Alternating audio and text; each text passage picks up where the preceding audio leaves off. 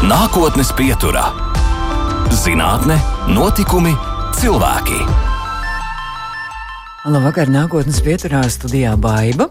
Un Latvijā ir iestājies brīnišķīgais pavasaris, kas priecē ne tikai ar sauli un gaisa temperatūru, kas tuvojas plus 20 grādiem, bet priecē arī domu, ka reizē ar pavasari saruks apkuras rēķini.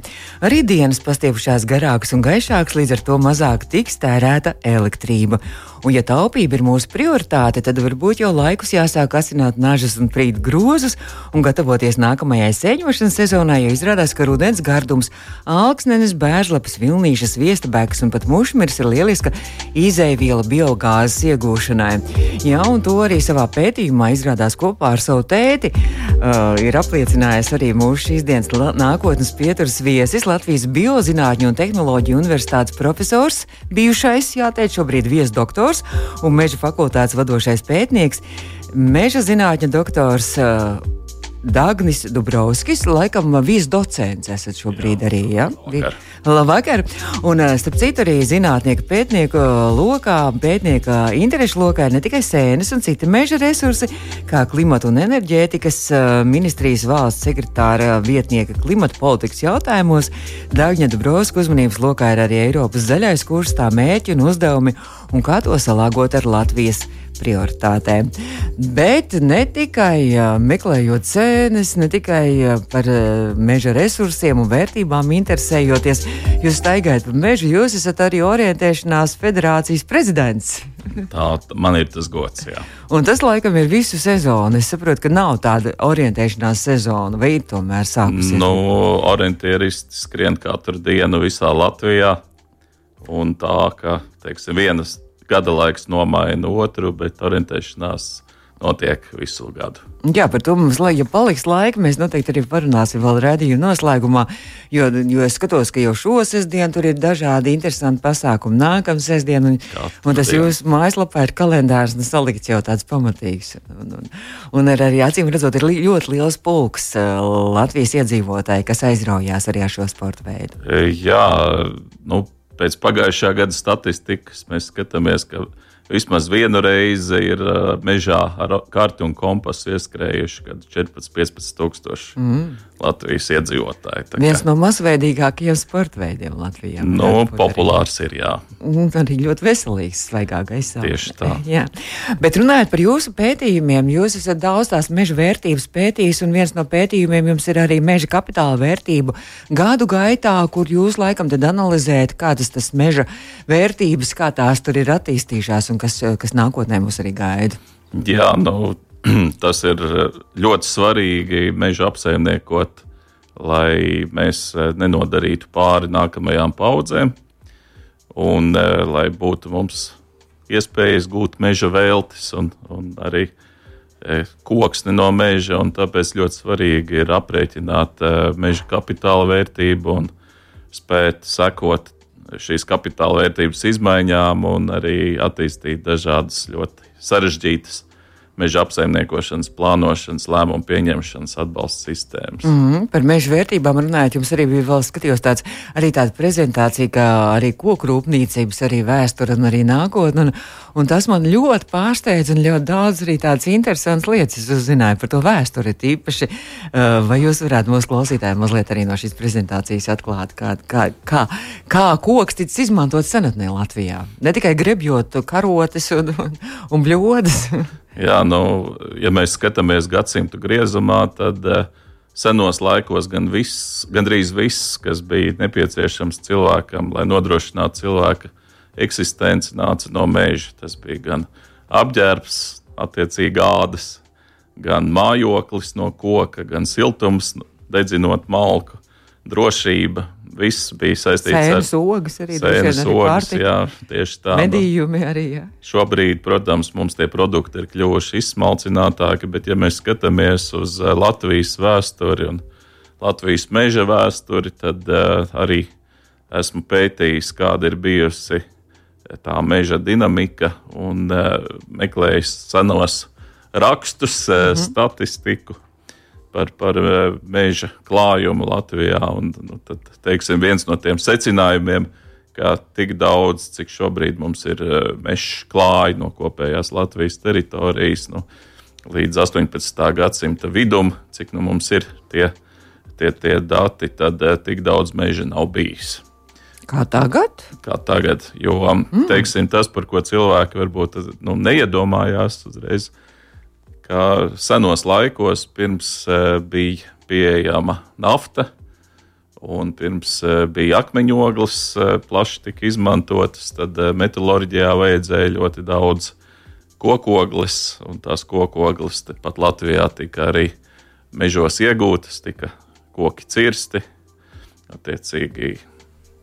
Un, un, un, un, un tās bija daudz lielāka ciršanas mm. apjoma, kā tas nu, kā kopumā, teiksim, to klājumu, meža klājumu ietekmēja, jo toreiz tas nu, mežs tā netika atjaunots mākslīgi. Un tieši pateicoties zinātnes sasniegumiem, tātad zinātnieku un mežkopju darbam, uh, tad mēs droši varam apgalvot, ka uz to meža klājumu, kas mums Latvijā kopumā ir vairāk kā pusi, no aptuveni pusi no teritorijas, tā, tie koki, kas uz tā, tā zemes aug, nu, mēs mežonieki to saucam par koksnes krāju, jeb tā, tad, kāds ir tas kopējais mm. koksnes tilpums, tad nu, var teikt, ka šobrīd ir šis koksnes tilpums tāds, kāds iepriekš nu, Vismaz teiksim, tā nav konstatēts. Tad vēl tā, mēs, mēs uztraucamies esam... īstenībā, ka ik pa laikam izskan, ka mūsu nu, meži tiek iznīcināti un tā tālāk. Nu, tieši cilvēku darbs ir tas, kas parada, padara to meža augšanu efektīvāku un uh,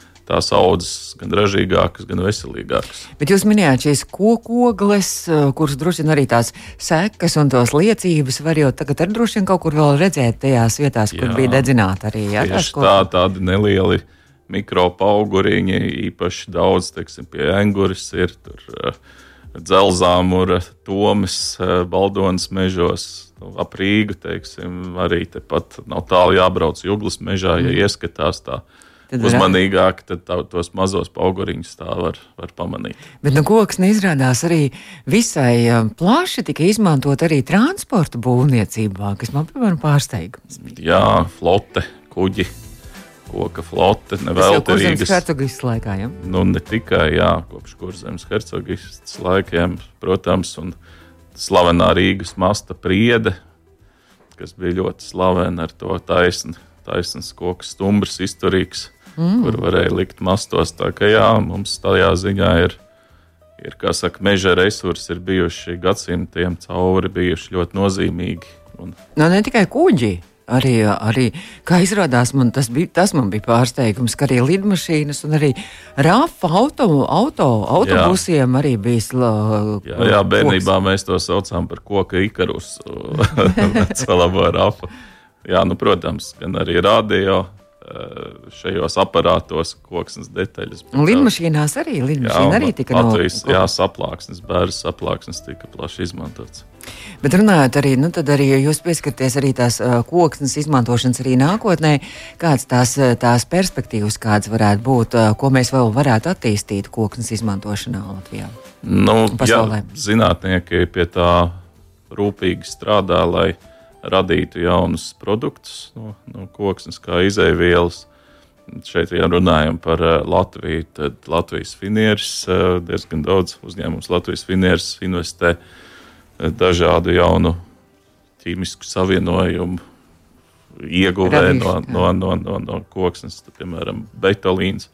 Tā kā medicīnā skaistumkopšanā jā, jā, jā, jā. Nu, teiksim, arī ir diezgan daudz tā plaša iespēja arī uh, ne tikai koksne, ja, bet arī teiksim, tos pašus meža augus izmantot. Bet, eh, nu, ja mēs skatāmies tādā nākotnes perspektīvas eh, kontekstā un arī saistībā ar šo pašu zaļo kursu, tad mežam ir liela nozīme arī eh, runājot par klimatu, par, par klimatu regulēšanu un, un tātad šo cilvēka radīto emisiju uzņemšanu, piesaisti Un tāpēc arī viens no tādiem svarīgiem virzieniem, gan politiski, gan ekonomiski, ir vairāk izmantot koksni būvēs, mm -hmm. kā būvmateriālu, kā, kā mēbeļu materiālu, jo, jo, jo tas, ir, nu, tas, tas sekmē teiksim, šo te kopā, kopīgi cilvēks ilgspējīgu un saudzīgu attieksmi pret resursiem. Par šo biodegvielu, biogāzi, tas arī ir viens no virzieniem, kur es biju domājis, ka jūs pat tām sēnēm esat to pētījumi, bet jūs teicat, ka jūs kopā ar savu tēti, kurš arī ir pētnieks. Jā, man tēvs ir uh, inženierzinātņu doktors un viens no lielākajiem Latvijā speciālistiem biogāzes ražošanas jomā, jo viņš, savu, viņš faktiski uzbūvēja pirmo biogāzes ražošanas iekārtu Padomju Savienībā. Tas bija vēl pagājušā gadsimta 80. gados, konkrēti Junpravā, Padomju Savienības ogļu cūku nobarošanas kompleksā. Mm. Jā, un, un nu šobrīd viņš strādā pie pētījumiem, kur no, no izmanto dažādas materiālus, tā skaitā arī sēnes, lai saprastu, cik šie, šie resursi ir izmantojami biogāzes ražošanai. Jo mēs zinām šo zaļo pārkārtošanos, un, mm. at, un šie fosilie enerģijas avoti mums ir ierobežoti. Tad, teiksim, biogāze ir viens no tādiem labiem risinājumiem. Kā, kā, kā teiksim, atjaunot enerģiju un to izmantot. Bet tās sēnes, kā no viņām to biogāzi iegūst? Viņas... Nu, viss, kas ir organiskie savienojumi, kas sadalās, rada metānu. Un, un, teiksim, Bet viņas ir kaut kā jākarsē, acīm redzot. Ja? Nu, tur ir īpaša tehnoloģija. Nu, tā trīs vārdos mums ir. Nu, trīs vārdos, eh, teiksim, nu, protams, substrāts tiek sagatavots pirms, pirms tā materiāli, bet nu, mēs labi zinām, ka sadzīves atkritumi vai, vai teiksim, fermās atkritumi, ja, tad, tad, tad, tas, kas nāk ārā no govīm, no cūkām. Jā, arī arī noder biogāzes ražošanai. Arī noder biogāzes ražošanai. Jā. Un sēnes arī tā skaitās. Nu, sēnes un, nenāk ārā. Un, un, un latvāņi un, un viss kaut kas. tā kā principā, tā kā jums arī bija viens pētījums, es lasīju par jauniem produktiem, kas varētu arī būt inovatīvi produkti, arī viss šie, šīs, šīs jaunās, jaunās tehnoloģijas un inovācijas, arī, kas varētu tikt iegūts arī no koksnes un arī no meža. Tā kā, tā kā šis Jā, arī varētu būt. Tas savulaik bija liela valsts pētījuma programma. Mm -hmm. Kā mīkstos lapkokus labāk izmantot, racionālāk, lai, lai iegūtu augstākas pievienotās vērtības produkts, bet tas bija tāds komplekss daudzu zinātnisko institūtu darbs, kur e, mūsu joma bija vairāk saistīta ar pašu resursu novērtēšanu, tur gods un slavu koksnes ķīmijas institūtam un mm -hmm. un Mekai un Silavai, ja, kas mums arī mūsu universitātei bija sadarbības partneri tajā projektā. Šobrīd jums atliek laika, vai mēs runāsim jau pēc tam, jau nākamajā raidījuma daļā pēc mūzikas, vai jums atliek laika vēl arī saviem pētījumiem, vai šobrīd jādomā par Latvijas un Eiropas zaļo nākotni? Nu, Vairāk. Nu, šobrīd es pētniecības tēmu mazliet esmu atlicis malā, tāpēc ka mani pētījumi tiešām vairāk saistīti ar, ar šiem politiskiem jautājumiem, Nu, studējot normatīvos nu, aktus tas... un, un, un eh, gatavojot, palīdzot gatavot Latvijas pozīciju. Mm -hmm. Par to mēs nedaudz arī vairāk parunāsim. Ne, negluži par politiku neatbaidīsim būs klausītājs, bet mēs par to, par to Latvijas, Eiropas zaļo nākotni droši vien arī mums ir jādomā, arī jārunā pēc brīža. Bet Dagnis Dombrovskis pie mums ir studijā arī kādreiz um, meža, fa, me, Latvijas bio Zinātņu un tehnoloģiju universitātes, kas ir kādreiz Latvijas lauksaimniecības universitāte. Jūs arī meža fakultātes, arī dekāns bijāt jā, daudzus gadus. gadus jā. Tā kā jūs joprojām esat arī mācības spēks. Es joprojām savus pam, tos pamatkursus, kas ir mans amplitūds, es joprojām ar studentiem strādāju. Meža zinātne, jā. E, man galvenais tas ir mežierīcība, jeb nu, citiem moderniem vārdiem sakot, meža apsaimniekošanas plānošana un meža resursu novērtēšana. Mm -hmm. Tā kā tie, kam pieder mežs mūsu klausītājiem, tie var klausīties un arī kaut ko vērtīgu noteikti arī uzzināt. Nākotnes pieturā. Turpinām nākotnes pieturu un Latvijas Biozinātņu un tehnoloģiju universitātes vadošais pētnieks, meža zinātņu doktors Dagnis Dubrovskis šobrīd ir mūsu studijā. Un vēl es varu pieminēt arī to, ka, ka ļoti interesanti izlasīt Latvijas enciklopēdijā. Jūs arī esat šķir, šķirkli sarakstījis par, par tieši par meža zinātni, jā? Jā, jā, man bija tas gods un tur sadarboties ar Latvijas Nacionālo biblioteku pie Nacionālās encyklopēdijas mm. tapšanas. Un tur es, es, es izlasīju to, ka, ka meža zinātne jau par meža zinātni um, pirmie tādi, teiksim, interesanti un speciālisti bijuši Vācijā un Japānā, jau tas ir daudzus gadsimtus. Jā, jā, jā. tā ir. Un man pašam bija tāds interesants pārsteigums, aizbraucot uh, uz Spāniju. Staigājot pa Spānijas mežiem, redzēt, ka tur sistēma, teiksim, meža sistēma ir ļoti līdzīga kā tas ir Latvijā. Un tad, kad apmeklēju kolēģus uh, Madrides Tehniskajā universitātē, tad tur ir tāda skaista siena ar, ar portretiem un, un konstatēju, ka Spānijas mežzinātnes saknes uh, nāk turpat, kur Latvijas mežzinātnes mm. saknes, tas ir Tārandas meža akadēmija pie Dresdenes. Mm. Jā, Vācijā tā kā jāsaka tā, ka Tā kā mēs visu Eiropu esam, varētu teikt, arī vienoti. Jā, diezgan līdzīgi. Šajā nedēļā, nu, nedēļas nogalē ir lielā tālaka, kad mēs jau nu ceram un tā domājam, tas Latvijas mērķis ir kļūt par zaļāko un skaistāko valsti pasaulē. Bet jūs arī domājat par zaļo kursu, jūs jau kā klimata un enerģētikas ministrijas, kas ir jaunā ministrijas, starp citu valsts sekretāra vietnieks klimata un politikas jautājumos tieši, tad jūsu uzmanības lokā es saprotu, ka ir tas Eiropas zaļais kurs un kas tas vispār tāds ir. Jā, nu, tā vienkāršiem vārdiem runājot, tur zaļo kursu sauc arī par zaļo pārkārtošanos, jeb zaļo darījumu, un e, tas ir faktiski šī brīža ekonomiskās un sociālās finanšu sistēmas e, pārbūve, kur visu produktu un pakalpojumu sniegšanā un radīšanā. Tātad obligāti komponente ir noteikti šīs ražošanas ietekme uz, uz eh, vidi, uz eh, ekosistēmu, uz bioloģisko daudzveidību, uz klimatu. Un šo ietekmi mazināt, novērst, bet, ja tā tad nevar ne mazināt, ne novērst, tad maksāt par to soli. Tad, tad kompensēt. Jā, mm -hmm. To mhm. tagad moderni sauc par kompensēšanu. Un eh, tas, pie kā Eiropas eh, komisija strādā, Eiropas parlaments un arī valstis, eh, tātad tiek veidots šis normatīvais ietvers, kādā veidā dažādās nozarēs šo pārkārtošanos organizēt. Un, saka, tiek domāts gan par burkāniem, gan par pātagām. Un tas uh, pamatdarbs man klimata enerģētikas ministrijā šobrīd ir tātad, uh, strādāt ar šiem dokumentiem un, eh, un arī veidot Latvijas eh, pozīciju. Tātad, mm -hmm. nu, tātad kopā ar, ar, ar, eh, tātad ar valdību, nu, teiksim, ministru, deputāti. Ja, un, Bet, nu, ja mēs par to zaļo kursu tieši tagad skaidrojam mūsu klausītājiem, nu, ko tas nozīmē, ko mēs katrs varam šī zaļā kursa, šīs nostrāstā mērķa vārdā arī darīt un ko varētu ievērot un ko, par ko domāt?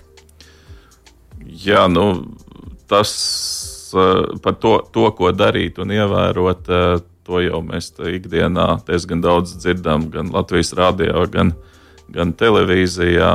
Tas faktiski nozīmē izvēlēties produktus, kas ir dabai videi draudzīgi, atteikties no liekām darbībām, kas mums var radīt kādu negatīvu ietekmi uz vidi. Tas ir šķirot atkritumus, Tas ir arī. Teiksim, Nebraukt tik daudz ar auto. jā, vairāk braukt ar riteņiem, jā. Jā, skriet ar kājām. Jā. Tas ir diezgan daudz plašs, mm -hmm. komplekss tas, uh, pasākumu kopums, ko mēs varam darīt ikdienā. Bet, uh, nu, ja ņemam tā, tad, tādā plašākā līmenī, tad nu, valstī arī ļoti daudz kas ir jādara priekš šīs pārkārtošanās. Nu, kas tad varētu būt Latvijai tādi galvenie izaicinājumi? Nu, tad, tad viens izaicinājums mums ir saistīts ar uh, transporta sektoru pārkārtošanos, uh, jo, jo nu, fosilie enerģijas avoti tiek importēti no, no, saka, ne no Eiropas Savienības. Līdz ar to mēs arī ne tikai mazinām piesārņošanu, bet arī kļūstam vairāk ne, tātad, Atkarīgāk, neatkarīgāki. Jā, mm -hmm. Tāpēc ir šī elektroautorāta programma. E, tas pats saistīts ar enerģētiku. Šobrīd ir plašs, e, plaši projekti, tiek attīstīti, lai veicinātu vēja un saules parku attīstību Latvijā. nu, tas, ja runājam par lauksaimniecību, par meža saimniecību, tad uh, tur arī šobrīd tiek re rekomendētas uh, nu, ieviest uh, citas metodes saimniekošanā. Tā kā faktiski šobrīd uh, šie, šie noteikumi un rekomendācijas aptver nu, pilnīgi visas nozares. Mm -hmm. Varbūt kultūrā un sportā mēs par to pagaidām vēl dzirdam mazāk, bet uh, arī tur šis tas. Droši vien arī šis zaļais kurs arī nu, ne tikai ne viennozīmīgi tiek vērtēts, un arī no Latvijas viedokļa, arī, ka tur kaut kāds varbūt arī mūsu intereses ne, ne visai sakrīt ar za Eiropas zaļā kursa interesēm. Nu, katrai valstī ir savas nacionālās intereses. Un eh, šobrīd tas, eh, protams, var daudzos jautājumos arī nesakrist ar to, tiem kopējiem uzstādījumiem, bet tāpēc notiek diskusijas. Un, Kas mums nepatīk?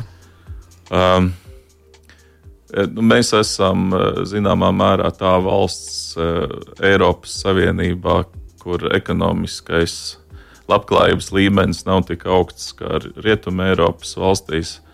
Tāpēc teiksim, šie te principi nu, mūsu iedzīvotājiem varbūt var, kā lai saka, nu, būt, būt, būt Māciņu ietekmēt, jā? Maciņu. Jā, relatīvi maciņu var ietekmēt vairāk, bet tieši tāpēc tiek arī domāts, kā šo ietekmi mazināt.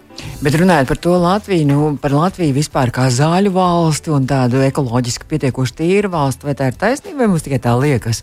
Un saka, kad, tad, kad ārzemnieki atbrauc, saka, o, cik jums te viss ir tīrs, cik jums tīra daba un cik jums skaisti viss. Nu, mums maz cilvēku ir uz lielu platību teritoriju, un, protams, ka, teiksim, no tās cilvēku urbānās ietekmes mēs esam mazāk ietekmēti. Tā ir taisnība. Jā. Tā tas varētu būt. Jā.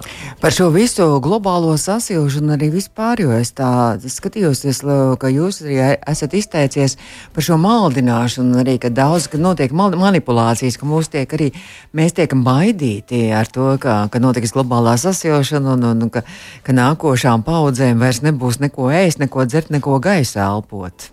Et tas, tas, ko es teicu, varbūt ir mazliet eh, tas, tas konteksts tāds, ka jā, visā šajā stāstā var būt zaļmaldināšana, un zaļmaldināšana var būt uz abām pusēm. Mm -hmm. Gan uh, slā, uh, nu, teiksim, slēpjot savu produktu ražošanas patieso ietekmi, gan arī pārspīlējot to tās šausmas, tās šausmas un sekmes, jo tas var palīdzēt papildus mobilizēt piemēram, sabiedrība jau uz kaut kādām aktivitātēm un nu, faktiski varbūt pat uh, radīt iespēju ar, ar uh, sabiedrību manipulēt. Uh, šī iemesla dēļ ārkārtīgi svarīgi šajos jautājumos piedalīties zinātniekiem un, un sniegt savu, saka, pēc iespējas neietekmēto mm.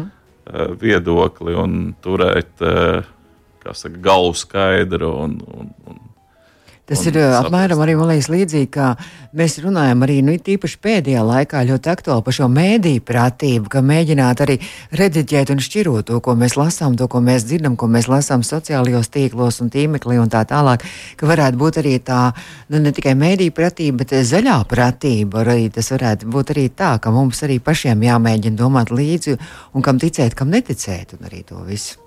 Jā, es jums simtprocentīgi piekrītu. Nākotnes pieturā - zinātne, notikumi, cilvēki. Un nākotnes pieturšu raidījumu pēc tam varat izlasīt, izlasīt un arī paklausīties audio sēdi mūsu mājaslapā Latvijas Rādio 2 un arī podkāstos lielākajās vietnēs. Mēs runājam par mežu, par zaļo kursu un um, par tādām lietām. Šodien meža zinātnieks, meža zinātņu doktors Dagnis Dubrovskis ir mūsu studijā arī Eh, Latvijas Biozinātņu un tehnoloģiju universitātes vadošais pētnieks, arī bijušais profesors, bet jūs laikam to tipu to titulu ir vēl profesora tituls vai, nu, vai? Tas ir vēlēts amats uz termiņu un par cik es aizgāju strādāt valsts pārvaldē. Tad pazaudējāt. Tad es, kā saka, neusturēju. Bet gan jau atgriezīsieties, varbūt arī kādreiz atkal nākotnē. Es skatījos, ka nākamajā nedēļā, nākamās nedēļas nogalē arī Jāgavā arī notiek arī tādas meža dienas, kur laikam tradicionālās meža dienas, kur arī piedalās arī jūsu meža fakultāte, un kur aicina arī gan jaunos studentus iepazīt arī mācības un, un arī tādas eh, meža, meža viss eh, zinā, ar zinātni saistītās lietas. Jā, meža fakultāte ir daudz tradīcijas, un viena no tām ir taisīt katru pavasari šādu sabiedrisku pasākumu meža dienas. Tur, protams, ir daudz sadarbības partneri. Un tātad Jelgavas pastas salā.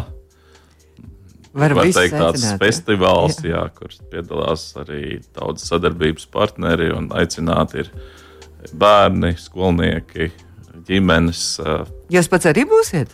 Es pats, diemžēl, nebūšu. Ja jūs orientēsieties droši vien kādā sacensībās, es, es kaut kur kaut ko organizēšu, jā, bet, diemžēl, es šoreiz nepiedalīšos. Bet es tiešām aicinātu apmeklēt uh, cilvēkus, kuriem interesē mežzinības, kuri varbūt nākotnē redz savu aicinājumu studēt meža fakultātē.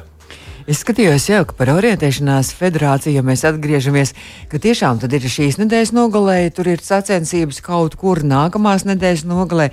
Tagad ir visu vasaru, ir tās sacensības notiek. Jā, orientieristi dodas mežā katru dienu un visā Latvijā. Jo uh, mainās gada laiki, bet uh, sacensības uh, joprojām notiek, un mums ir populāras gan šīs pēcpusdienas seriālu sacensības. Eh, parasti sestdienās, svētdienās notiek Latvijas, eh, teikt, Latvijas kausa, kausa posmi. Tātad, mm -hmm. no tādas uh, lielākas sacensības. Tās ir tādas profesionāļu sacensības, vai tur var, piemēram, kāds no mūsu klausītājiem izdomā, ka šogad varbūt ka varētu arī pievērsties orientēšanās sportam un kaut kur, ja tuvāk dzīves vietai, arī doties uz sacensībām. Vai tas nav iespējams? Tur tas jābūt... ir iespējams, un pat uh, mēs, mēs aicinām. Ah. Jo uh, speciāli priekš iesācējiem mums arī tiek veidotas distancītas, un, ja ieietu klausītāji mūsu mājaslapā Latvijas Jā. Orientēšanās federācijas, tas ir lov.lv. Mājaslapā tad atrast daudz vērtīgu informāciju gan par šiem seriāliem, kas visā Latvijā notiek, ja, gan arī par noteikumiem, gan arī es domāju, ka katrā no šiem seriāliem noteikti ir atradīsies kāds orientierists, kurš laipni arī pamācīs un parādīs, kā tās lietas. Šodien es skatos, ka Rīgas piedzīvojums ir 22., 24., 23. aprīlī Rīgas sezonas orientēšanās atklāšana, un tad vēl būs arī nākamajā nedēļā, 29. 30. aprīlis Āronas kauss, jaunā kartē un mainīgā apvidū. Jā, un 3. Eh, maijā mēs eh, pirmo reizi kopā ar Latvijas valsts prezidentu. Tātad esam uzsākuši jaunu tradīciju, eh, zvaigžņu stafetes, kas ir par godu Latvijas eh, neatkarības atjaunošanai. Mm. Tajās arī var pieteikties. Ja Tajās arī var droši pieteikties. Tur gan ir komandas sacensības, stafetes. Mm -hmm. Bet noteikti var atrast mājaslapā informāciju. Es, es, es arī jūsu mājaslapā atradu tādu, ko jūs sakāt arī savā prezidents lejā. Jūs sakāt, orientēšanās sports veicina prāta brīvību, un tāpēc starp orientieristiem ir tik daudz inteliģentu cilvēku. no, Kā tas ir?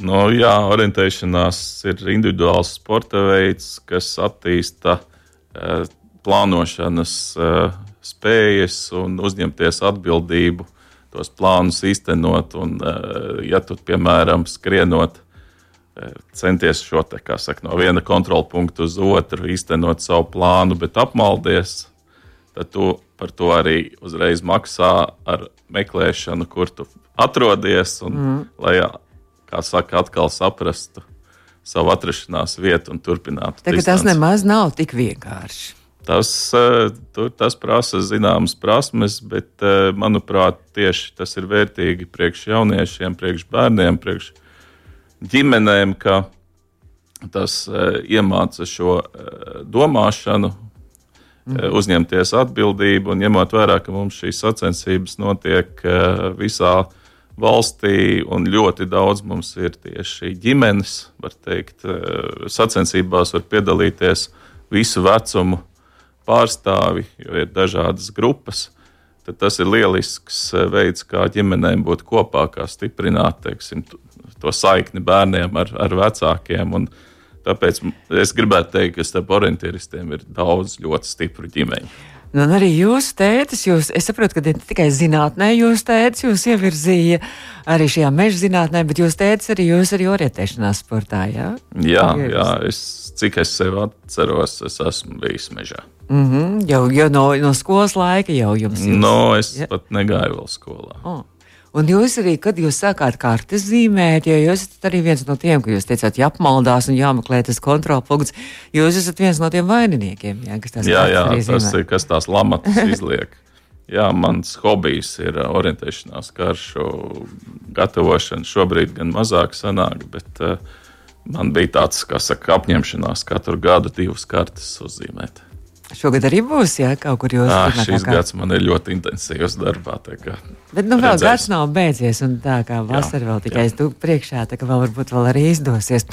Bet uh, runājot par jūsu ceļu zinātnē, jūs jau mazliet ieskicējāt, ka jūs sākāt no ogres kā mežsargs. Jā, ogres meža tehnikuma absolvents. Pēc, pēc absolvēšanās devos atpakaļ uz savu dzimto ciemu, dzimto mežniecību Un tad eh, var teikt, es tā smējos, ka tad, kad es pabeidzu augstskolu, es devos atpakaļ uz ogles virsmežniecību, pie sava virsmežziņa, prasīties atpakaļ savā apgaitā. Nu, viņš mani nepaņēma, jo nebija vietas. Tad oh. man pēc kāda laika nekas cits neatlika, kā aiziet zinātnē. Zinātnē pievērsties. Un tagad jau tā, cik redzot, vairāk iznāk kabinetā arī sēdēt, nu, nu, šobrīd noteikti, bet arī, ka, kā zinātniekam, um, droši vien 50 uz 50 meža zinātniekam, gan mežā iznāk būt, gan arī tomēr vairāk arī laboratorijās. Nu, šobrīd vairāk uz, ar, ar, ar, uz papīra mežu, arī tā mana tēma, tie matemātiskie modeļi un, un, un vērtēšanas. Mm -hmm. Tas ir vairāk saistīts arī ar informācijas tehnoloģijām un, kas saka, mežu uz papīra. Diemžēl, bet, nu, Diemžēl, bet vasarā ir priekšā, un tā novēlu jums arī, kā jūs teicāt, arī sēņošanas čempionāts būs, jā, ne tikai nu, no sēnēm biogāzi iegūst, bet arī. Jā, jā savulaik mēs ar studentiem tādu pasākumu Latvijā ieviesām. Oh, tā kā mēs varam gaidīt rudenī, jā, ka šogad nu, arī varbūt būs. Nu, varbūt. Es zinu, ka ir vairākas, vairākas pašvaldības, kas uh, organizē savus sēņošanas čempionātus. Un, uh, man ir prieks, ka es biju savulaik daļa no tā visa. Iniciators. Kāda jums ir tā lielākā sēna vai, vai, vai interesantākā, ko jūs esat pats atradis? Ne, nu, teiksim tā, man, man ir īpašas uh, attiecības ar sēnēm, jo šobrīd es pārstāvu orientēšanās klubu rumpučiem pa pēdām. Mm. Un tie, kas nezina, rumpuči, tās ir sēnes. Oh. Skaidrs. Labi, es saku lielu paldies jums, ka jūs atnācāt, izbrīvējāt laiku mums Latvijas Rādio 2. Dagnis Dubrovskis, eh, Latvijas biozinātņu un tehnoloģiju institūta, ne universitātes. Uh, ir sarežģīts jums tas jaunais nosaukums, vadošais pētnieks pie mums studijā. Paldies! Izskan nākotnes pieturā.